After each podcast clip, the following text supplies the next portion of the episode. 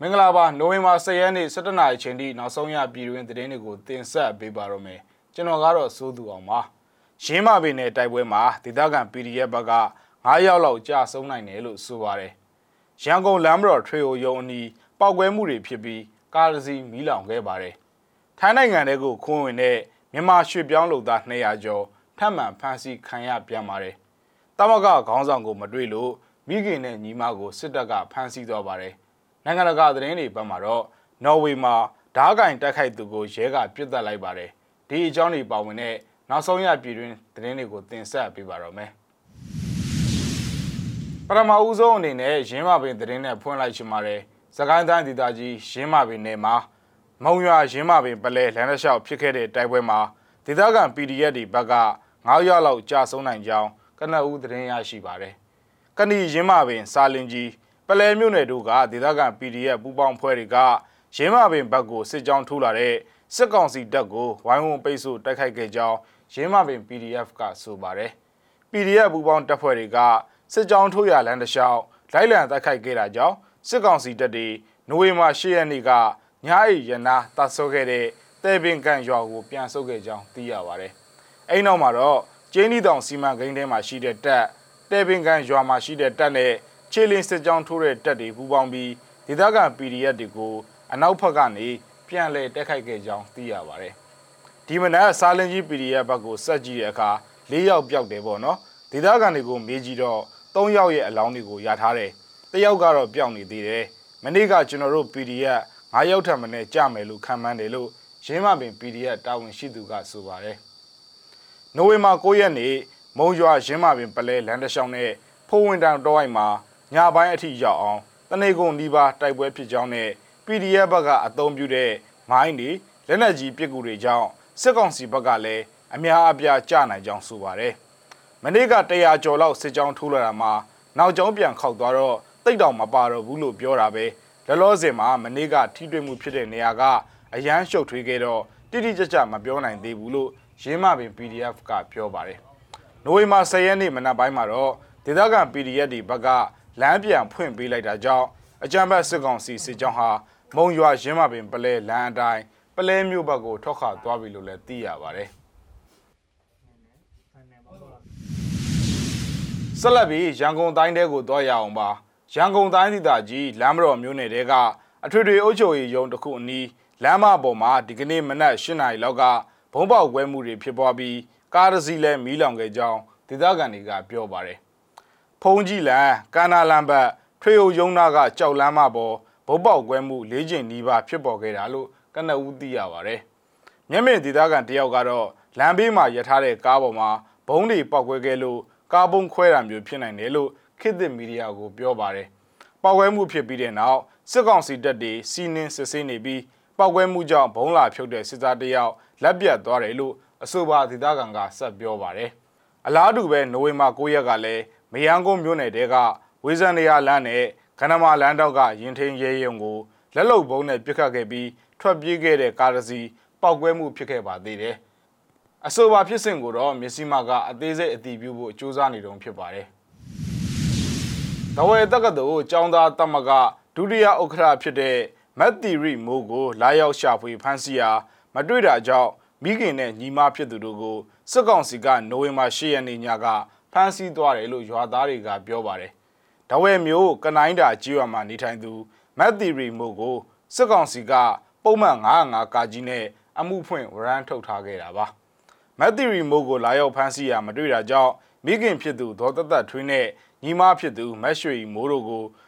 တစားကန်အဖြစ်ဖမ်းဆီးသွားခြင်းဖြစ်တယ်လို့မိသားစုဝင်တွေနဲ့နှိဆက်သူတချို့ကပြောပါတယ်။ဆွေမျိုးတော်ဆက်သူတယောက်ကတော့အိမ်စီကနှစ်စီးအရက်ဝတ်တွေနဲ့လာဖမ်းတာ အိမ်ထဲမှာမှွင်နောက်ရှာဖွေပြီးတာနဲ့ဖုန်းတွေကိုတင်ပြီးတားမိနှစ်ယောက်လုံးကိုခေါ်သွားတာလို့အတိပြုပြောပါတယ်။မက်တီရီမိုးရဲ့မိခင်ဖြစ်သူဒေါ်သက်သက်ထွေဟာအသက်40ကျော်အရွယ်ဖြစ်ပြီးညီမဖြစ်သူမက်ရွှေမိုးကတော့အသက်16နှစ်သာရှိသေးတယ်လို့မိသားစုဝင်တွေကပြောပါတယ်။မက်တီရီမိုးဟာစစ်တပ်ကအာဏာသိမ်းလိုက်တဲ့ဖေဖော်ဝါရီတရက်နေ့နောက်ပိုင်းဆေးရနာရှင်စန့်ကျင်ရေးဆန္ဒပြပွဲတွေမှာစတင်ပါဝင်ခဲ့ပြီးအဲ့ဒီအချိန်ကစပြီးတော့ဒီနေ့အချိန်ထိ နေအိမ်ကနေဆင်းသွားခဲ့ကမိသားစုနဲ့လည်းအဆက်အသွယ်လုပ်ခဲ့တာမရှိဘူးလို့ဆွေမျိုးတော်ဆက်သူကပြောပါတယ်လက်ရှိမှာဖမ်းဆီးခံရသူမက်သီရီမိုးရဲ့မိခင်နဲ့ညီမဖြစ်သူတို့ကိုတဝယ်မြို့နယ်ရဲစခန်းမှာထိမ့်သိမ်းထားတယ်လို့လည်းသိရပါတယ်။နေဆက်ဖြတ်ကျော်ပြီးထိုင်းနိုင်ငံထဲကိုခိုးဝင်ခဲ့တဲ့မြန်မာရွှေပြောင်းလုပ်သား218ယောက်ဟာနိုဝင်ဘာ9ရက်မနက်ပိုင်းကစန်ခရာဘူရီခရိုင်မှာ ထိုင်းရဲနဲ့စစ်သားတွေရဲ့ဖမ်းဆီးခြင်းကိုခံခဲ့ရကြောင်းဘန်ကောက်ပို့စ်သတင်းတရက်အရသိရပါတယ်။အဖမ်းခံရတဲ့မြန်မာရွှေပြောင်းလုပ်သားအုပ်စုမှာအမျိုးသား122ယောက်အမျိုးသမီး63ယောက်နဲ့ကလေးငယ်3ယောက်ပါဝင်ပါတယ်။သူတို့ဟာနေဆက်အနီးစန်ခရာဘူရီခရိုင်မှာရှိတဲ့ဒေသခံတယောက်ရဲ့စီအုံးဆိုင်ခင်းတစ်ခုမှာစောင့်ဆိုင်နေကြခြင်းအဖမ်းခံရတာပါ။အဆိုပါဒေသခံကပြည်တွင်းအာဏာပိုင်တွေကိုအကြောင်းကြားခဲ့တာလို့ဆိုပါတယ်။ ထိမ့်သိမ်းခံရတဲ့မြန်မာနိုင်ငံသားတွေက၎င်းတို့ဟာမော်လမြိုင်ဘကိုဖန်နဲ့ဖျားသုံးစုဘက်မှလာကြသူတွေလို့ပြောပါတယ်မြန်မာလမ်းပြ3ယောက်နောက်လိုက်ရင်သူတို့ဟာနိုဝင်ဘာ10ရက်နေ့ညနေပိုင်းမှာဖျားသုံးစုကနေတောအုပ်တဲဖြက်ကလမ်းလျှောက်ခဲ့ပြီးတဲ့နောက်စီယုံစိုက်ခင်းတွေကိုရောက်ရှိလာစဉ်အဖမ်းခံခဲ့ရတာပါအများစုကစမုတ်စကွန်နခွန်ပထုံနွန်တာဘူရီစမုတ်ပရိုဂရမ်ရချာဘူရီဘန်ကောက်နဲ့ပ ရာဂျော့ခီရီကန်တို့မှာအလောက်အကန်ရရှိရေးတွားရောက်ဖို့စောင့်ဆိုင်နေကြသူတွေဖြစ်ပါတယ်။တချို့ကတော့ကချနာဘူရီမှာအလုပ်ရမယ်လို့မျှော်လင့်နေခဲ့ကြတာပါ။တဦးချင်းစီတိုင်းဟာအလောက်အကင်ပွဲစားတွေကို ထိုင်းဘတ်ငွေ2000ခွဲရနေ2600အထိပေးထားခဲ့ရတာပါ။သူတို့ဟာအခုနှစ်အတွင်းစန်ခရာဘူရီမှာမြန်မာဘက်ကတရားမဝင်နေဆက်ဖြတ်ကျော်လာသူတွေပါဝင်တဲ့အကြီးဆုံးအုပ်စုကိုဖမ်းဆီးရမိတာဖြစ်ကြောင်းရင်းခရိုင်ရဲဌာနက ခိတ္တအကြီးအကဲရဲမူကြီးပီပတ်ရန်စံပန်ကပြောပါတယ်ခင်ဗျဆက်လက်ပြီးတော့နိုင်ငံတကာသတင်းတွေဘက်ကိုလည်းသွားရအောင်ပါနော်ဝေနိုင်ငံအော်စလိုမြို့အလဲမှာအင်္ဂါနေ့မနက်ပိုင်းကအမျိုးသားတယောက်ဟာလူတချို့ကိုဓားကန်ချင်းချောက်ရာကရဲလေကင်ကရောက်ရှိလာချိန်တိုက်ခိုက်ဖို့ကြိုးစားတာကြောင့်ရဲကပြစ်တက်လိုက်ရပါတယ်မြို့တော်ဘတ်စလက်အရက်မှာအဲ့ဒီတိုက်ခိုက်သူကိုဖမ်းဆီးဖို့ကြိုးစားခဲ့ရမှာ ရဲသားတယောက်ဒဏ်ရာရရှိခဲ့ကြောင်းသတင်းစာရှင်းလင်းပွဲမှာရဲကပြောပါတယ်တိုက်ခိုက်ခံရတဲ့စိတ်စော်မှုအားလုံးကိုကျွန်တော်တို့သုံးသပ်နေပါတယ်အခုအနေအထားမှာတော့အကြမ်းဖက်တိုက်ခိုက်မှုဆိုပြီးကောက်ချက်တော့မချနိုင်သေးပါဘူးဆိုပြီးရဲထောက်လန်းရေးမှုအီဂဲဂျော်ဒန်ကသတင်းတောက်တွေကိုပြောပါတယ်တိုက်ခိုက်သူကရုရှားတယောက်ဖြစ်ပြီးအသက်30ဝန်းကျင်အရွယ်ရှိတယ်လို့ VG သတင်းစာကဖော်ပြပါတယ်2019ခုနှစ်အော်စလိုမှာပဲအဲ့ဒီအမျိုးသားဟာလူတယောက်ကိုဓာတ်နဲ့ထိုးတာကြောင့် 2020ဒီဇင်ဘာမှာစိတ်ယောဂကုသမှုခံယူဖို့ပြစ်ဒဏ်ချမှတ်ခံရတာဖြစ်တယ်လို့အဲ့ဒီသတင်းစာကဖော်ပြပါတယ်လူမှုမီဒီယာပေါ်မှာမျက်မြင်တင်တဲ့ post တွေနဲ့ဗီဒီယိုတွေမီဒီယာသတင်းတွေထဲမှာမုတ်စိတ်မွေးတဲ့လူဟာစိုင်းတဆိုင်အပြင်ဘက်ပလက်ဖောင်းမှာဓာတ်ရှိကင်ပြီးရန်ကားတာကိုမြင်တွေ့ရပါတယ်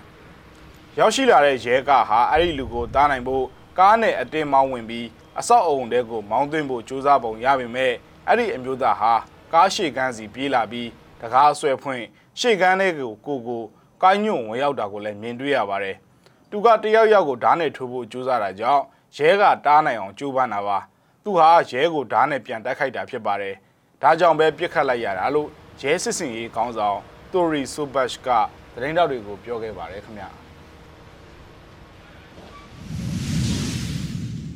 မြစီမားရဲ့သတင်းအစီအစဉ်ကိုဒီမှာခဏရနာကြပါရယ် ကြည့်ရှုခဲ့တဲ့ပရိသတ်သူချင်းစီကိုကျေးဇူးအထူးပဲတင်ရှိပါရယ်ကျွန်တော်တို့သတင်းနဲ့အတူတူပြန်ဆောင်ကြပါဦးမယ်။